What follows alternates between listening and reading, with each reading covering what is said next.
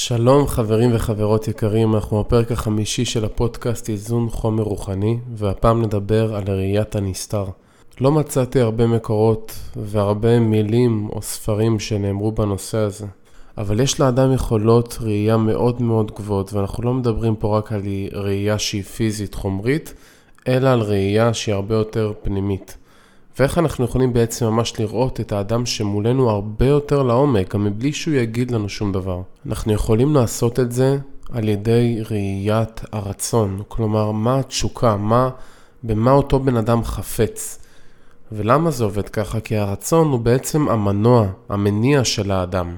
לא סתם מנוע ומניע, זה אותו השורש. זה מה שבעצם גורם לו לפעול ולחשוב ולהרגיש ולחוות את מה שהוא חווה. הרצון הוא מה שמניע אותנו בחיים ומביא אותנו לנקודה X או לנקודה Y. זה מה שמניע אותנו לאותו מקום שאנחנו נמצאים בו, אפילו בחלל ובמרחב. ואם אנחנו יכולים לראות בצורה מאוד בהירה וצלולה מה המניע של אותו האדם שעומד מולנו, אנחנו יכולים לראות אותו הרבה יותר לעומק. וככה גם נוכל לעזור לו בצורה יותר טובה. ובאמת לתת לו את מה שהוא רוצה לקבל, ומה שבאמת יעזור לו בדרך שלו, בתהליך שלו, בחיים שלו. או לחילופין, להבין על מי אני יכול יותר להתמסר ולסמוך עליו ועל מי פחות. וזה יכול להגיע למצב שאנחנו ממש רואים על מה האדם חושב, כי אנחנו ממש מתבוננים ברצון שלו. הרצון הוא בעצם ממוקם מעל המחשבה. גם אם נתבונן ממש בתרשים של עשר הספירות על פי חוכמת הקבלה, בדומה לרוב התרשימים והמודלים הפסיכולוגיים, יש לנו את הרצון, את המחשבה, את הרגשות שהם גם הדיבור ואת המעשים. זה בעצם הצינור של ההוויה. פשוט לזכור, רצון, מחשבה, דיבור, מעשה. וזה בעצם כל מה שאנחנו בעולם הזה, זה הצלם שלנו. יש כמובן את הנשמה שהיא פנימית מהכל והיא מכילה את כל המציאות כולה והיא פשוט רוח, מעל כל החומר, מעל כל החוויה הזאת. אבל כשאנחנו מתחילים לבוא לידי ביטוי בגוף שאנחנו נמצאים בו, בדמות שאנחנו, לפני שאני מתן ועם הרצונות של מתן, ואיפה שהוא נמצא בחלל, ומה הוא רוצה להשיג, ומה הוא חווה ומרגיש וחושב, לפני הכל הוא נשמה. לפני הכל הוא חלק מהאינסוף, הוא חלק מהאור הזה שממלא את כל המציאות. וכל רגע שאני שם לנגד עיניי שאני אינסוף ושיש לי פוטנציאל אינסופי ושאני מחובר להכל, אז אני חי במציאות שהיא מעל החומר, אני חי במציאות שהיא מאוחדת ואני תופס את המציאות כאחד. וכל זמן שאני מתבונן על המציאות בצורה חומרית ומתמקד ברצונות יותר גשמיים שקשורים לרצונות שקשורים לאכילה, למין, לדברים שהם הרבה יותר ארציים. אם אנחנו נמשכים אחרי רצונות כאלה, אז אני בעצם חי חיים של חומר, שאני רואה חומר לנגד עיניי. ואז כמובן שהרבה יותר קשה לראות גם מה הרצון שלנו ומה הרצון של אחרים.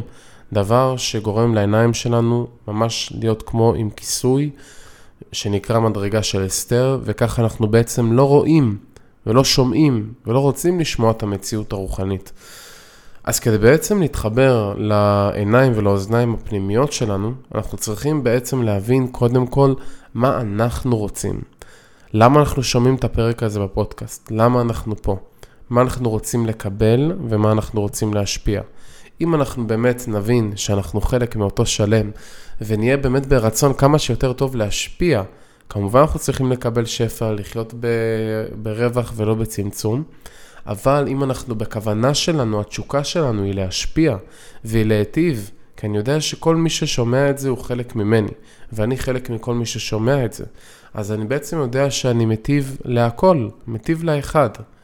בגלל זה הרבה אנשים שואלים, איך אני מגדיר את עצמי?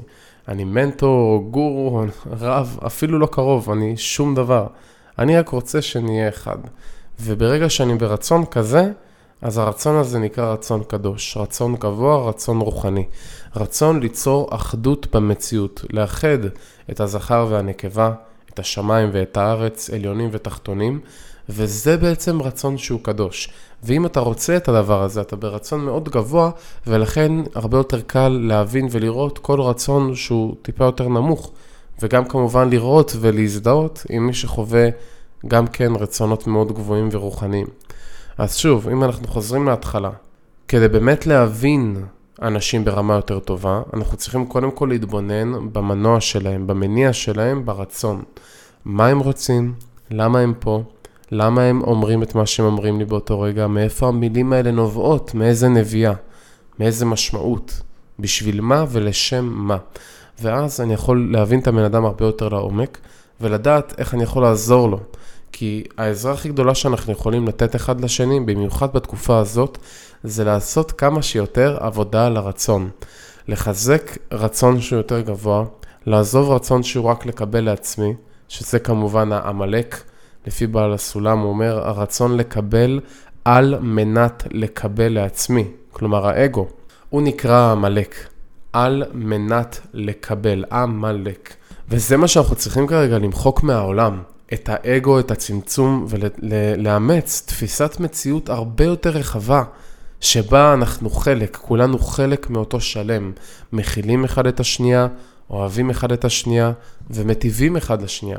וזה המשמעות של הבורא כשנאמר שהוא טוב ומטיב. אף הוא טוב ומטיב, גם אתה טוב ומטיב. כל מה שנאמר עליו גם אנחנו צריכים לקיים. להיות כמה שיותר טובים גם כלפי עצמנו וגם כלפי אחרים. כמובן לא לפסוח על עצמנו, כי אין אדם נותן מה שאין בו. אנחנו לא יכולים להיטיב לאחרים ולהתעלל בעצמנו. אנחנו לא יכולים לתת מה שאין בי. רק מה שיש בי אני יכול להעניק לעולם. בגלל זה גם אנשים שהם בתודעה יותר הישרדותית וחווים מציאות שהיא טיפה יותר קשה וחומרית ומלאה בתאוות, זה לא בגלל שהם רעים, אלא זה בגלל שהם כרגע נמצאים בסוג של הסתר. ואנחנו צריכים לעזור לכמה שיותר אנשים לפתוח את העיניים, להבין שאנחנו אחד. לעזור ולתת, ולמי שהוא נמצא ביותר קושי, זה אומר שיש לך יותר מקום לעזור לו. יש לו יותר מקום לקבל ממך את האור שלך, את הלב שלך, את החיבוק הזה, והוא הכי צריך אותך. אז ככל שאנחנו רואים שבן אדם יותר מנותק ומרוחק, זה לא אומר שאנחנו צריכים לשנוא אותו על זה שהוא לא קרוב אליי ולא רוצה לתת לי חיבוק. אלא אנחנו צריכים כמה שיותר לראות איך אני יכול להועיל לאותו אדם, איך אני יכול לעזור לו. וברגע הזה אני מאמץ תפיסה של שלמה המלך שאמר, איזהו חכם הרואה את הנולד. כלומר, איזהו החכם הרואה את הטוב שנולד מתוך כל אדם, מתוך כל סיטואציה. וברגע שאני משתדל ועושה מאמץ לראות את הטוב בתוך כל דבר, אני בעצם מעלה אותו, אני מקדש אותו. זה המשמעות של קדושה, זה בעצם טוב, זה הטבה. אם אני משתדל לראות טוב בכל דבר, אני מעלה אותו רוחנית. אני אוטומטית באנרגיה שלי, אני עוזר לו להגיע למקום יותר טוב ומואר, כי זה מה שאני רואה בו, ככה אני רואה אותו. אבל אם אני רואה באנשים דברים לא טובים וקלקולים, אני מקלקל אותם, אני מקלקל את העולם, ובמילים אחרות, מקלקל את עצמי. כי אתם זה העולם, מה שאתם חווים בתוככם משתקף לכם במציאות החיצונית. בגלל זה המילה עצמי מגיעה מלשון המילה עצמות. אז ברגע שאני יוצר יותר ניקיון וטהרה בלב שלי פנימה, אני גם כן חווה מציאות חיצונית שהיא הרבה יותר נקייה, אמיתית, כנה, ואני רואה הרבה יותר אור באנשים. אני פתאום רואה יותר אנשים מחייכים, כי אני פועל ממקום אחר. אז המציאות החיצונית היא בעצם השקפה של הפנימית. אז שוב אנחנו חוזרים עוד פעם אחורה.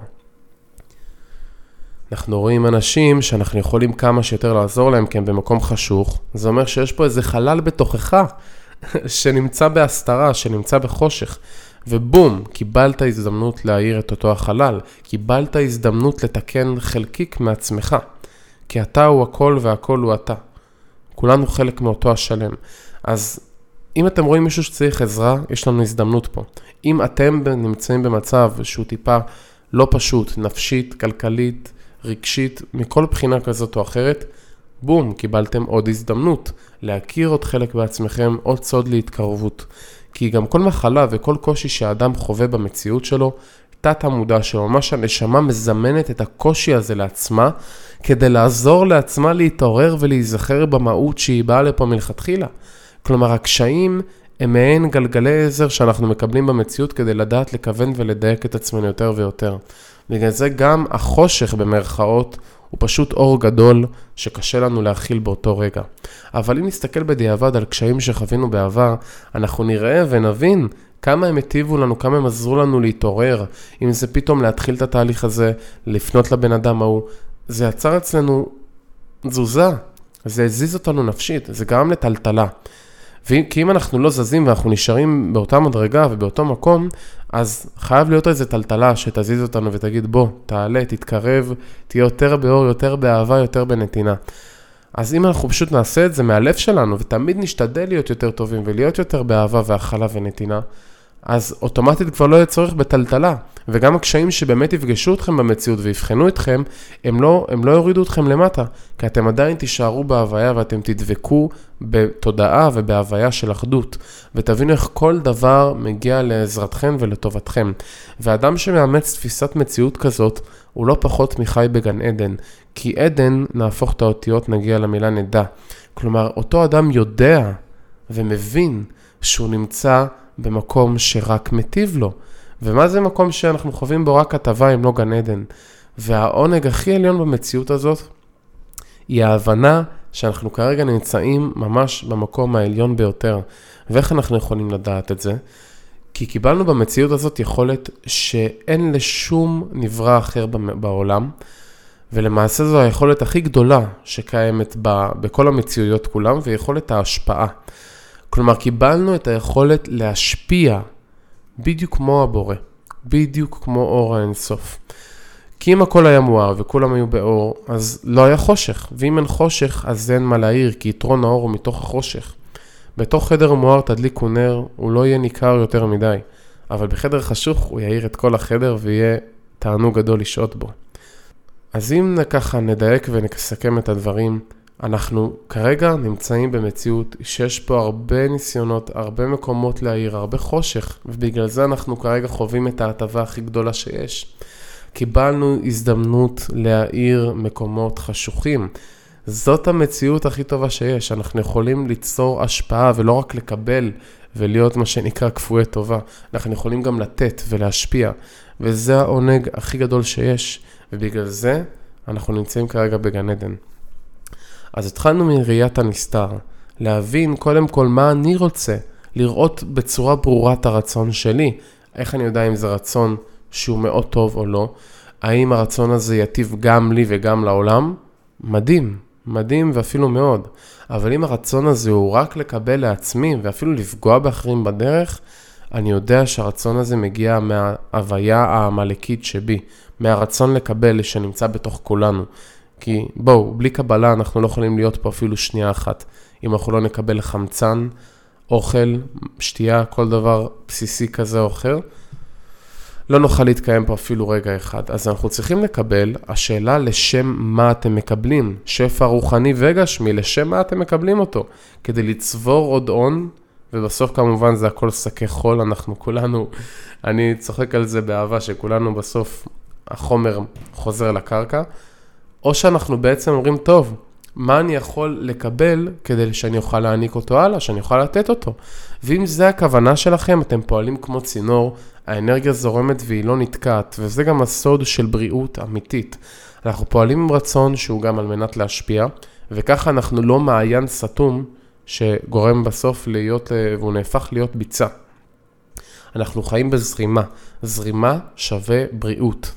גם מבחינה רגשית, בתהליכים הרגשיים שאני מעביר, אנחנו עושים הרבה עבודה על הנאה של האנרגיה, כי רגש באנגלית נקרא emotion, E זה energy, motion, תנועה, וכל עוד אני שומר על התודעה ועל האנרגיה שלי והרגש שלי בזרימה, אני שומר על בריאות איתנה. וכל עוד אני סותם ולא משתף ולא חווה את הרגש ומחליט להתעלם ממנו, אז אני אוטומטית מגיע לשסתום ואני עוצר שלא נדע, גם זה יכול להגיע למחלות פיזיות, אבל זה חסם רגשי. ואותו דבר גם מבחינה רצונית. אם אני לא מעביר את השפע והוא נתקע אצלי, אני עוצר פה תקלה. אז קודם כל, מה למדנו? איזה תובנות? קודם כל, לדייק את הרצון שלנו, לעשות עליו עבודה, כמה שיותר באמת לעשות אותו מאוזן, שנדע לקבל את השפע, כמובן לעבוד עם חוק האי סבל, חבר'ה, לא לסבול, לא לגרום לעצמכם סבל, כי אז לא עשינו בזה שום דבר. אתם זוכרים, אין אדם נותן מה שאין בו. אם יש בכם סבל, לא יהיה לכם מה לתת לאחר. אז לא עשינו בזה כלום. תהנו מהחיים, המציאות הזאת הגיעה לכם שתחוו בה עונג ותהנו בה, אבל תוודאו שאתם גם עוזרים לאחרים ליהנות בה. כי זה השלמות, להיות בטוב ולהיטיב לאחרים. לאחר מכן, ברגע שנעבוד עם עצמנו, עם הרצון שלנו, גם יתעורר לנו הראייה הרוחנית יותר, וראיית הנסתר, להבין מה הרצון של אחרים, ואולי גם לעזור להם לתקן ולדייק את הרצון שלהם בלקבל על מנת להשפיע. וככה אנחנו בעצם יוצרים אדווה, כמו אבן שנזרקת לאגם ומשפיעה בעיגולים, ככה אנחנו משפיעים על כל המציאות כולה. ועוזרים לאנשים להיות יותר מחוברים, יותר מאוחדים. וכולנו אוהבים את המילים האלה, מילים כל כך גבוהות ויפות, כמו שלום, אהבה, אחדות ורעות. ואנחנו יכולים להגיע לשם. מאמץ, חבר'ה, להפעיל מאמץ, להשפיע על הסביבה הקרובה שלכם. זה מתחיל מהמשפחה, מהחברים, וזה לאט לאט מהדהד הלאה והלאה, וזה גדל וגדל. אז הרצון הפנימי, לאחר מכן לעזור ברצון הסביבתי, כי זה גם השתקפות שלכם פנימה, וככה לאט לאט אנחנו מתעוררים ונהנים מההשפעה, וזה מה שנקרא בקבלה זיו השכינה, שאנחנו חווים את האחדות במציאות החומרית, כי גן העדן בעצם מוסבר לנו ברמה הכי פשוטה שיש. תכניסו בתוך המקום הכי נמוך, בתוך החומר, את הרוח הכי גבוהה. וזה השלמות וזה תכלית המציאות. משהו הכי נמוך הוא הכי גבוה. ובגלל זה יש לנו פה הזדמנות מאוד גדולה, וניסיון מאוד גדול, ואין לי ספק שאנחנו בדרך לשם. אז כל מי ששומע את זה, מאמץ קטן, להעביר אפילו את השיעור הזה לכמה אנשים הבאים בתור, ל- לשלוח את זה לכמה חברים, להעביר את הבשורה, לעזור לאנשים להגיע להתעוררות גדולה, ואנחנו לגמרי בדרך הנכונה. אז תודה רבה לכל מי שהאזין. אם יש לכם שאלות, דברים שאתם רוצים לשתף, תרגישו חופשי לפנות אליי, המספר טלפון שלי אני מצרף פה למטה. אוהב אתכם המון, שיהיה לכולנו המון בהצלחה בהתפתחות ובעליית המדרגה.